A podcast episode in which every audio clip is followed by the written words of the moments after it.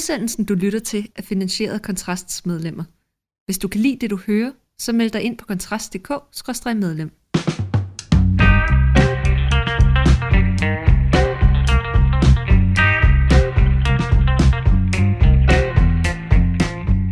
Velkommen til Fyraften med Kontrast, der helt atypisk ikke er optaget i en uh, lille kælder på Østerbro, fordi i anledning af helligdagen, og muligvis også via en proces, vi bruger fremadrettet, så sidder jeg sidder hjemme i min have på smukke Amager med fuglefløjt rundt omkring, som man muligvis kan høre i baggrunden af mikrofonen, og Rasmus han sidder hjemme i sin lejlighed, mens vi så bruger den nymodens teknologis vidunder til at kommunikere via en, en elektronisk forbindelse og optage den her øh, det. Men øh, du lytter til Fyraften, mit navn er Mikkel Andersen, og med mig som nævnt Rasmus Ulstrup. Og hvad, Rasmus, nyder du din store bededag? Ja, jeg har sovet længe. Solen skinner nogenlunde, det blæser lidt, så jeg er ikke kommet ud endnu. Og det er jo et, selvom jeg, jeg ved det ikke, det må så være et Freudian slip, det er jo ikke stor bededag. Det er Kristi Himmelfartsdag. Det er den ja. helligdag, som, som der Vitalin er tale om. Kristi Stor Bededag kan vi jo så småt godt begynde at, at glemme, formoder jeg.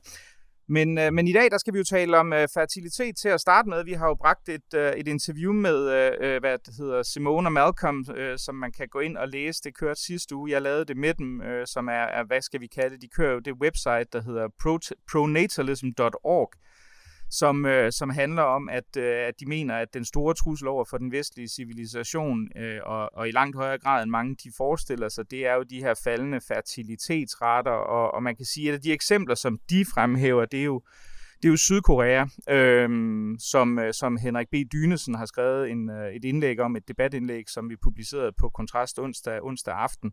Så det er jo sådan et, øh, et happening-emne, jeg må indrømme, jeg synes, det var, jeg synes, det var enormt fascinerende at, øh, at tale med de her to, Simone og Malcolm, der har en, et meget imponerende credentials bag sig, og som det også fremgår, eller de i hvert fald fortæller mig, så, så rådgiver de også forskellige, blandt andet europæiske øh, regeringer omkring lige præcis den her problematik.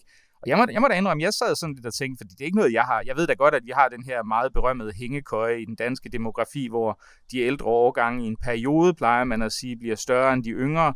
Men, men så har jeg heller ikke tænkt, at det var værre. Det var sådan noget, man havde et eller andet form for problem med nede i Italien, hvor der var nogle, nogle byer, der på grund af, af lave fertilitetsrater blev forladt og den slags ting. Men, men de, de fremlægger det som et langt større, langt mere markant problem, end, end man måske havde tænkt over. Jeg synes egentlig, den der altså den, den redegørelse, som de kom med, hvor de sagde, jamen baseret på de nuværende fertilitetsrater i Sydkorea, som, som de betragter som sådan ligesom kanariefuglen i kulminen, der viser, hvor slemt det her kan gøre, eller kan gå hen og blive, jamen baseret på de nuværende fertilitetsrater, så, så for hver 100 nulevende hvad det hedder, øh, sydkoreanere, så vil der altså være 6,6 børnebørn. Det vil sige, at hvis man, hvis man antager, at folk bliver ved med, trods alt, måske senere, men stadigvæk at dø, som de jo historisk set ret konsekvent har gjort, så vil der være temmelig, så vil det være et ganske andet samfund, man, man, man ser i for eksempel Sydkorea, end, øh, end, end hvad vi har set hidtil. Og det må jeg da om. Jeg, jeg synes, da, jeg synes da, det var da en ret interessant pointe. Også fordi man kan sige næsten lige samtidig med, at, at, at artiklen eller interviewet med, med Simone og Malcolm det blev udgivet, så, så kommer det jo frem, at, øh, at fertilitetsraterne i Danmark ser ud til at falde mere, end, end hvad man faktisk lige havde regnet med. Så, så øh, ja. hvis, man tager, hvis man tager udgangspunkt i, i, i Sydkorea, så kunne det da godt se ud, som om det var en rimelig dyster fremtid, vi ser ind i. Ja, altså, og det der jo er interessant, det er, at, eller fra mit perspektiv i hvert fald, det er, at det ser ud til at være næsten ligegyldigt, øh, hvilken kultur og, øh, og, og hvilken sådan, hvad kan man sige, kontinent man skiller til, at øh, de her vestlificerede, øh, velstående samfund, øh, der får man simpelthen bare ikke nok børn. Man siger jo, at man skal have en fertilitetsrate på 2,1 øh, og det er jo fordi, der altid er nogen, der dør og andet, øh, per kvinde for at opretholde sit befolkningstal. Danmark ligger lige nu på, hvad er det, 1,7, 1,6? Jeg mener, det er et sted mellem 1,6 og 1,7, men, øh, ja. men, men, men, Så vi ligger jo declining. faktisk pæne ende faktisk mm. af, af, af, af, af, hvad kan vi sige, de her øh, moderne øh, nationer, men jo selvfølgelig stadig ikke nok. Og det der jo selvfølgelig er det store spørgsmål, det er, hvordan vender man den kurve. Det er jo det, alle forsøger at knække koden på, særligt politikere, fordi selvom at det jo er noget, der må man sige hører til privatsfæren, hvor mange børn man får, så er det i allerhøjeste grad også et politisk eller et, hvad kan vi sige, et nations overlevelses fremtidsspørgsmål, om en befolkning reproducerer sig selv. Ja, og øh. altså, jeg synes jo, det er sjove, noget af det sjove, som de fortæller, og det, og det, det, det er jo nok noget, som er sådan kontraintuitivt for mange, det er, at, at det er jo ikke de, hvad kan man sige, de mere traditionalistiske, værdikonservative kulturer, som det går forrygende for, mens det er også dekadente øh, øh, nordvesteuropæere, som det går virkelig skidt for. Altså for eksempel lande, som de fremhæver Iran, der åbenbart har en faldende fertilitetsret over igennem mange år, men altså som jo er sådan siger, islamisk monokultur i ret vid udstrækning. Det går rimelig dårligt der. Vi kan kigge på Sydeuropa, Italien, øh, Spanien, forskellige andre lande, der har noget lavere fertilitet, end hvad vi har her i for eksempel Danmark. Øh, men man kunne også tage øh, østeuropæiske lande, øh, Polen, øh, Rusland øh, og for den sags skyld også Ukraine, der alle sammen har fertilitetsretter, der er, der er et stykke under den danske. Så, så hvis man er sådan konservativt inclined, så, så, så kan man ikke bare sige, at det vigtige er sådan at falde tilbage på de, på de mere konservative familieværdier, og så regne med, at det løser problemet. Fordi det er der i hvert fald en del, der ikke tyder på. Ja, og det, og det er jo det, der bliver, hvad kan man sige, skræmmende, eller jeg tror, det, bliver, jeg tror, det er et wake-up call, øh, også for konservative ideologer, øh, også som mig selv, øh, som har tænkt, det handler bare om at give nogle ordentlige rammer for familien og nogle ordentlige øh, værdier og kulturændring, og så løser det hele sig. Og det gør det bare ikke. Altså, fordi det, det altså Sydkorea øh, er jo noget mere konservativt indstillet, end vi er i forhold til mande- og kvinderoller, og hvad ved jeg. Øh, der kunne man jo forestille sig Iran nok også. Der er i hvert fald det, der tyder så, på det, ja. Så, så løser de det. Så jeg kan huske, da jeg arbejdede i NB, så lavede vi et forslag, der hed, at øh, det skulle være nemmere at være sammen med sit barn, da det var lille, før det kommer i børnehave, det vil sige 0-3 år. Altså økonomisk skulle der være nogle, hvad kan man sige, tilskud, ikke tilskud, men øh, længere forklaring, teknisk forklaring. Det skulle være økonomisk mere rentabelt, ikke at sende sine børn i vuggestue og have mere tid til dem selv. Og det var ud fra en idé om, at det der hamsterhjulsliv der, det, øh, det er noget, der holder folk fra for børn, fordi det er for uoverskueligt. Og det tror jeg sådan set også, der er noget i. Jeg er faktisk kommet til den radikale erkendelse, og det kan folk sikkert blive øh, meget, meget farvet over, at problemet handler ikke om, at folk ikke har tid nok til deres børn. Problemet handler om, at folk kan faktisk ikke overskue deres børn. Og det er en, øh, en, en radikal anden øh, problemstilling end, end den, at øh, man skal give folk bedre mulighed for at være sammen med deres børn. Fordi årsagen til, at folk, tror jeg efterhånden, ikke vil have børn, det er fordi, det er så ekstremt krævende at få dem. Forstået på den måde, at i det vi bliver ældre og ældre, før vi begynder at få børn, og det gør vi jo, fordi vi bliver mere og mere veluddannede osv., så, videre, så begynder vi også at blive mere bevidste om, hvad det er for en pris, der kommer med at få børn. Man har måske et arbejde, man overgår ikke at være træt hele tiden, fordi man har et lille barn, der holder en vågen om natten. Man overgår ikke at leve op til alle de krav, der er om at være øh, forældre i det moderne samfund, fordi man skal være mere over det hele, og man skal være på det barn hele tiden. Og mænd orker sådan set heller ikke, at de er blevet mere og mere indlogeret i kvinderollen, hvor de skal tage sig af øh, småbørnspædagogik, eller hvad, hvad, hvad vi nu skal kalde det med et fint ord, altså tage sig af små børn. Det har mænd aldrig givet. Det bliver forventet meget mere af dem i dag.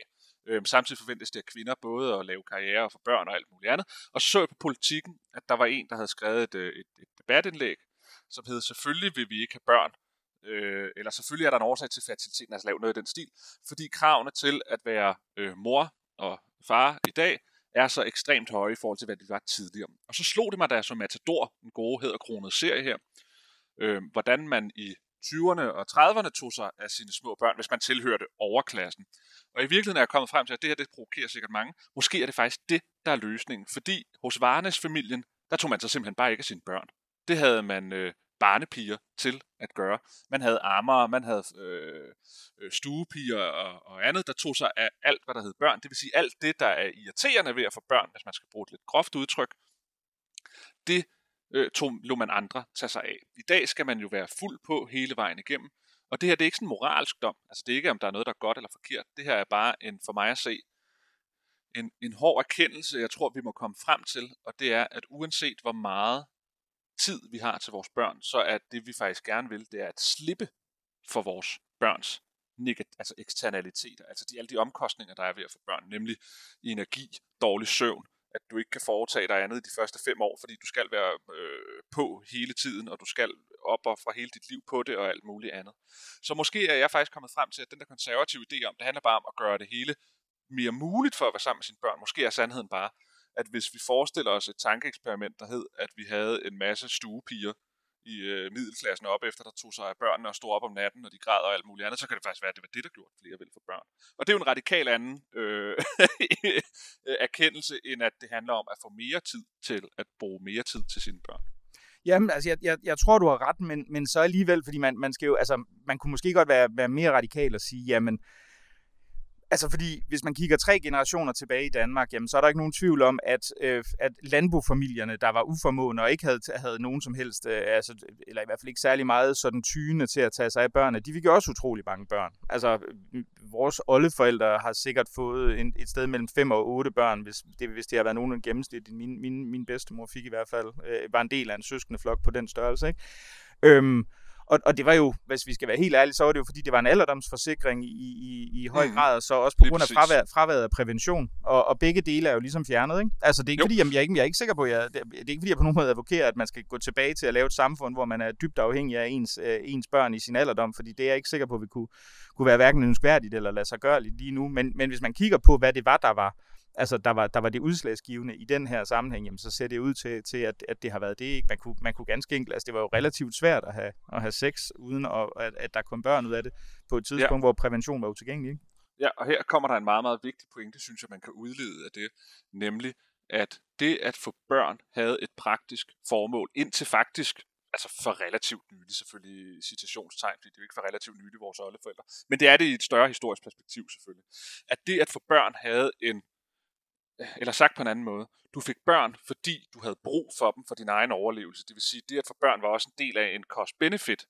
Altså, børn kunne faktisk bruges til noget i din fremtid. Det er jo blevet overtaget af velfærdsstaten, kan man sige. Det kan der jo både være meget godt og meget skidt i. Men også at børn i dag, fordi vi har så specialiseret et samfund, faktisk først bliver brugbare, når de har taget en længere uddannelse og er blevet voksne mennesker. Hvorimod man ude på gården øh, faktisk godt kan bruge børn i en relativt tidlig alder til at udføre basale øh, opgaver. De kan jo faktisk godt man kan, altså ligesom hvis man går tur i skoven med sine små, så kan man godt bede dem om at hente pinden, og så kan de faktisk samle pinden i en alder af 3-4 år og komme tilbage med nogle okay pinde. Altså forstået på den måde, at rent praktisk kan børn godt bruges til noget. Det kan de ikke længere, fordi der er stort set ingen jobs, hvor, øh, hvor børn øh, kan bruges til noget. Og det gør så, og her bliver, kommer pointen så, at det at få børn i dag handler om, at man skal være lykkelig af det, og altså ikke praktisk afhængig af dem. Det der jo så er, det er, det er jo ham Christian Bjørnskov, økonomen for Aarhus Universitet, som han jo har påvist flere gange, og det giver jo god mening, at når man har små børn, jeg kan ikke huske, jeg tror det er mellem 0 og 4 år, så er mennesket mere ulykkeligt, end hvis man ikke havde fået de børn. Og der skal man selvfølgelig starte med at indvende den kritik, at han korrigerer ikke for mening, altså oplevelse af meningsfuldhed til at oplevelsen af, at når man ligger på dødslaget, var det måske meget fint, man har fået sådan nogle børn, man har haft et godt liv med, og ens egen en eget liv lever videre i sine generationer. Alle de der store sådan, hvad kan vi kalde sådan større filosofiske meningsgivende øh, ting.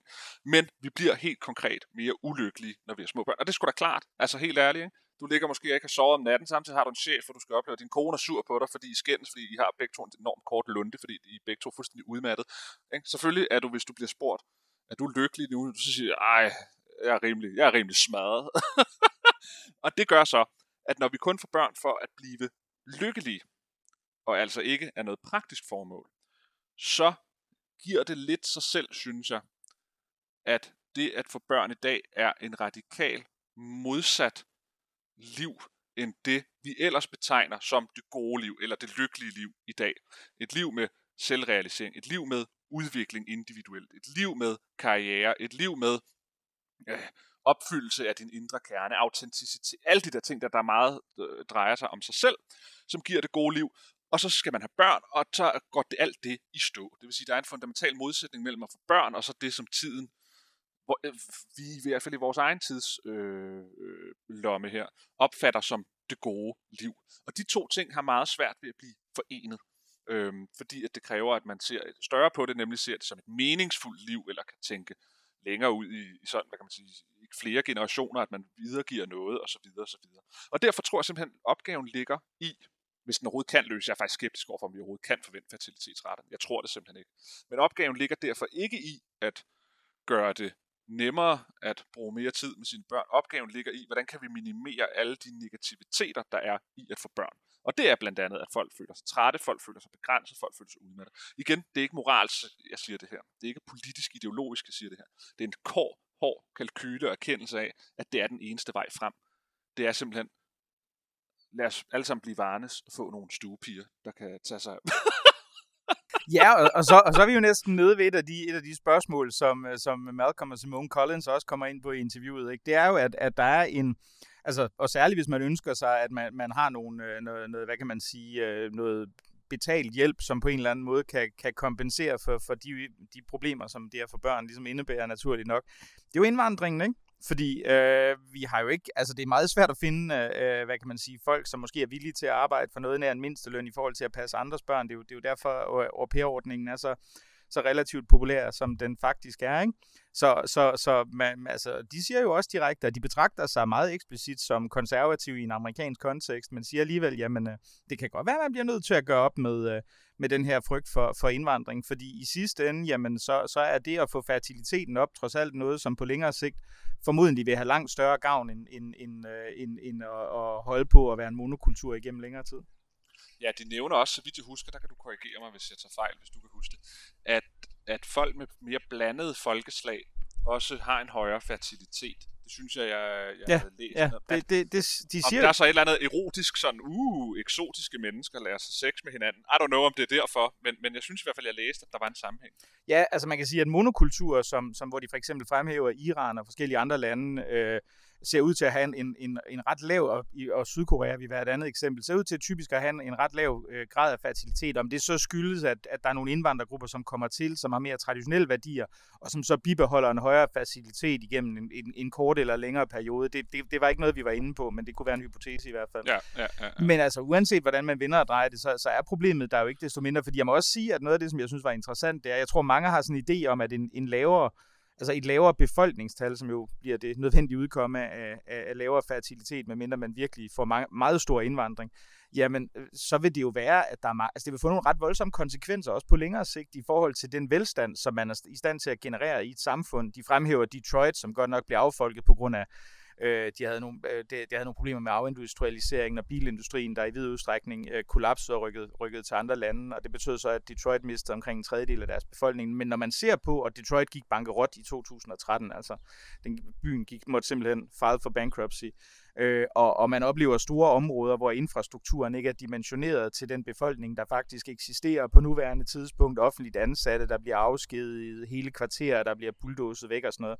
Det, det er nu ret drakonisk, altså det, er nu, det, det kommer til at være et radikalt andet samfund, det, man kommer til at leve i, hvis vi kommer til at se et befolkningstal, der falder med, med, med ikke engang så forfærdeligt meget, også fordi, som de kommer ind på, og det gælder jo også i høj grad i Danmark, altså at vores økonomi er baseret på en idé om stigende boligpriser og vi har et gældssystem, der er baseret på, at mange i, i betragtning betragter deres hus som også en investering i forskellige grader, og hvis, man, hvis vi pludselig kommer til at se et boligmarked, der kollapser i sådan en større skala, fordi efterspørgselen på boliger simpelthen falder, fordi der ikke er så mange mennesker, der skal bo steder, så kunne man jo også godt forestille sig, at det vi har relativt voldsomme konsekvenser. Det er meget interessant, og, og der er vel egentlig også det i det, at infrastrukturen er bygget op på et bestemt antal af mennesker, der lever. Altså man, det vil sige, at man vil hele tiden stå med det problem, at der vil komme overkapacitet hele tiden i, øh, i det offentlige. Altså i rene, hvad kan vi kalde det, øh, investeringer, der er blevet foretaget til, altså så står man pludselig med 1000 busser, selvom man faktisk kun skal bruge to af dem. Måske står man med et jernbanenet, der er fuldstændig ubrugeligt, fordi til sidst bor der slet ikke nogen øh,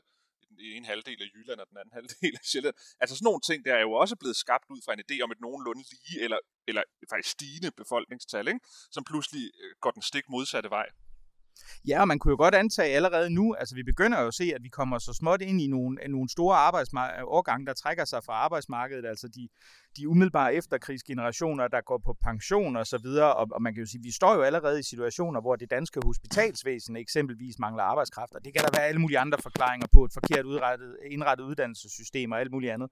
Men man kunne jo godt se, altså hvis, man, hvis vi antager, at det er de første indikationer på en mangel på, på arbejdskraft inden for nogle af de sektorer, som velfærdsstaten er bygget på, som vi ligesom oplever for indeværende, og vi så forsøger at fremskrive det sådan lineært ud i fremtiden, så, så kommer vi jo til at stå med nogle store problemer med mindre kunstig intelligens, eller robotter kommer ind og løser det hele for os, eller indvandrere, det kunne jo også være en mulighed. Men det, det er interessant, den her, ikke? Fordi, hvor skal man stille sig i det her spørgsmål her? Forstået på den måde, at er det et folks uundgåelige skæbne at afvikle sig selv, hvis ikke man vil, altså det er jo et valg, ikke at få nok børn, at det, kan man ikke også bare vælge at sige, jamen altså, så har I valgt selv at forgå. Øh, det har I sådan helt rationelt med åbne øjne. I ved alt om, hvad der vil ske. I ved alt om fertilitet og alt muligt andet. I har valgt at afvikle jer selv over tid. Eller skal man være, altså det er mest for konservative indstillede mennesker, hvor i alverden skal man placere sig her. Ikke? Mm. Eller skal man sige, alright, åbne sluserne ind for indvandring, så kan vi godt holde de værste nationers indvandrere ude. Øh, men altså lad os bare få halvdelen af Argentina her til, også chilenerne, dem kan vi også godt tale. Endelig ukrainerne strømmer til, og så lad os få dem til at blive her i, øh, så meget vi overhovedet kan, så at vi, vi ikke mister øh, befolkningen. Altså er det det, der er vejen at gå? Er det bedre at lade folk bestå ved, at man faktisk lever i afhængighed af indvandrere, eller skal man forgå? Det synes jeg er et interessant dilemma. Ja, for dilemmaet er jo, at uanset hvordan man vender og drejer det, så vil det jo betyde, at, at øh, den, den, hvad kan man sige, kultur, som man som konservativ kommer til at, at, at fremadrette og, og stå på mål for, vil jo uværligt blive ændret. Altså ligesom den, ja, danske, det. den danske kultur er blevet ændret i, i kraft af indvandringen igennem de sidste, øh, de sidste 40 år. Det mener jeg ikke, altså det kan, det kan man mene er godt skidt eller lige meget, men, men der er ikke nogen tvivl om, at hvis det ikke havde været for det, jamen så vil vi ikke se øh, ramadanfejringer, der i stadig større grad bliver, bliver til en del af, at, hvad kan man sige, en, en i anførselstegn dansk helligdagstradition, øh, ramadansange i højskolesangbogen og øh, konflikter og ændringer og madkultur, jeg ved ikke hvad. Altså, det, det vil jo være det uundgåelige, den uundgåelige ja, konsekvens, ja. hvis vi fik, I don't know, ja, 500.000 argentiner eller, eller øh, øh, øh, vietnameser, eller hvad det ellers skulle være, ikke? Ja, lige præcis, lige præcis. Og det, det tror jeg er et spørgsmål, konservative mennesker bliver nødt til, eller sådan den borgerlige fløj. Fordi venstrefløjen har det jo nemt nok, ikke? Altså åbn grænserne, så løser alting. Så, men de er jo sådan set også ligeglade med alt, hvad der hedder dansk kultur, og at, øh, at danskerne som folk faktisk også er her.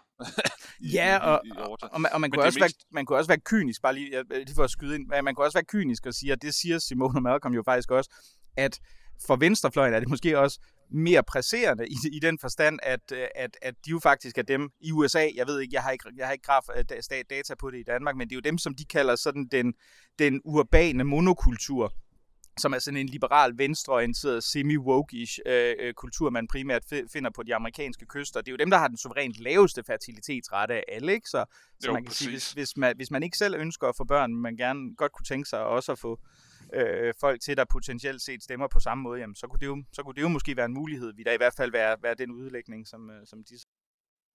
Jo, jeg mindes, du har fortalt en gang, Mikkel, at man kan se forskellige lommer i samfundet, hvor meget, meget stærke religiøse øh, samfund gør sig gældende, at der holder man fertiliteten oppe. At det er ligesom det eneste, vi så at sige kan finde, sådan, hvis vi skal pege på noget, der ikke bare er, at man kommer fra et fattigt land uden prævention, eller hvad ved jeg, men at hvis man skal finde steder i sådan veludviklede lande, hvor fertilitet, fertiliteten er høj, så er det simpelthen sådan nogle ortodoxe, øh, meget religiøse områder.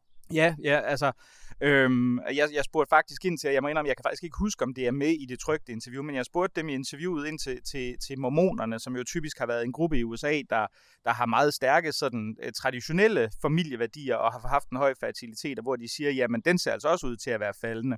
Øh, så, så, så det er ikke sådan, at de er upåvirkelige, de her grupper, i, i hvert fald ikke i USA, men, men, men, men det ser ud som om, man, det skal så også siges, at fertilitetsfaldet er radikalt meget langsommere, end hvad man ser i, i, i, i andre grupper, ikke for eksempel de urbane, mere sådan venstreorienterede øh, øh segmenter. Men altså, et af de eksempler, som, som mange fremhæver, det vil jo være øh, de ortodoxe, altså øh, har, har, har det de jøderne i, i Israel, som som, som har meget høje fertilitetsrater, og jo egentlig lever i et, i, i et hvad kan man sige, meget, øh, vi kan ikke kalde det sekulært, fordi Israel har jo selvfølgelig også en, en religiøs domstol og forskellige andre ting, men, men det er trods alt et meget vestligt gjort samfund i rigtig mange sammenhænge, og der ser det ud som om, at deres, deres meget høje fertilitet øh, bibeholdes. Men det skal jo også siges, at den israelske fertilitet er faktisk generelt lidt en outlier, fordi selv blandt ikke-ortodoxe ser den ud til at være en del højere, end den er i mange andre steder. Det udlægger Simone og Malcolm så øh, som et, et symptom på, at man har en, en, hvad kan man sige, en selvsikkerhed og en optimisme i forhold til den kulturelle gruppering, som, og kulturelt religiøse gruppering, som,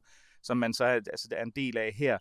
Om det er rigtigt, ja, det, det ved jeg ikke. Altså, for jeg, jeg kunne også godt, man kunne også godt kigge på for eksempel Kina og sige, jamen de har jo også en, en, en meget stærk selvbevidsthed og, og, og en stolt kultur, der ser ud til egentlig at være på mange måder opadgående i forhold til indflydelse og i forhold til, til velstand og alle mulige andre ting, men de ser jo også i høj grad ud til at være ramt af, af, af de samme mekanismer. Det skyldes selvfølgelig også etbarnspolitikken, det skal man ikke være blind for, men det er generelt... Det helt Altså det er generelt... Det er i fremtiden med det der etbarnspolitik, Jamen det, de det, det vil det også blive. De kommer sandsynligvis til, jeg tror, at jeg mener det allerede i det indeværende århundrede, der kommer det kinesiske befolkningstal efter alt at dømme til at falde under en milliard, og de har også nogle meget store særlige problemer forbundet med, at man har et, et investeringsmarked, som er bundet op på boliger, som, som folk køber i vildskab som investeringsobjekter, og hvis befolkningstallet falder, så har du også nogle potentielle, altså folk bruger dem dybest set som en slags pensionsopsparing, og hvis befolkningstallet falder, så øh, kan, kan du risikere nogle meget voldsomme økonomiske konsekvenser for rigtig, rigtig mange kinesere, der ellers lige er kommet op i middelklassen. Så der, der er rigtig mange store dilemmaer i forhold til det. Min pointe var bare det her med, at,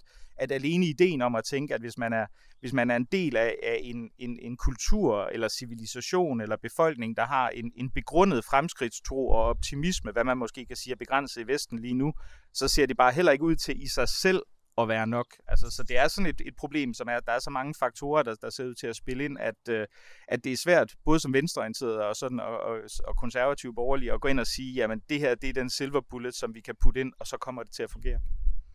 Jeg synes, der er noget fantastisk interessant, et fantastisk interessant spørgsmål, man må stille sig selv, særligt som borgerlig, oven på de her tal her. Og det er, at det narrativ, som borgerlige har ført frem, nemlig at familie børn og de her tætte relationer er livets salt. Det er det, der giver det gode liv. Man må bare sige, hvis vi kun kigger på tallene, så viser det sig, må jeg sige, at være sådan, at det er det ikke. Altså det er ikke den oplevede virkelighed hos mennesker, så snart de har økonomi og praktikalitet til at undgå at skulle have nok børn så vil folk ikke have dem. Og det spørgsmål er et øh, spørgsmål til overvejelse, synes jeg. Spørgsmål til dybere undersøgelse og refleksion om, hvad er det, det fortæller os faktisk, at folk gerne vil undlade at have børn, frem for at få tilstrækkeligt af dem. Det er et godt spørgsmål. Jeg tænker, hvis man har lyst, kan man jo eventuelt fortsætte øh, debatten inde i ekokammeret. Jeg lægger et fint lille billede op af, af min solbeskinnede arbejdsstation herude i haven på Amager. Øhm, jeg har hørt lidt, at der er gået en lille smule vind ind i min mikrofon, mens vi har optaget den rejse, altså mens, mens vi optog. Så jeg beklager, hvis, hvis det har været til gene for nogle af, af lytterne. Men øhm, jeg tror, vi, øh, vi med det spørgsmål, Rasmus, øh, lægger udsendelsen ned, og så tror jeg, jeg vil ønske folk en god weekend, når de kommer dertil, og så sige tak, fordi at, uh, de lyttede med. Bye.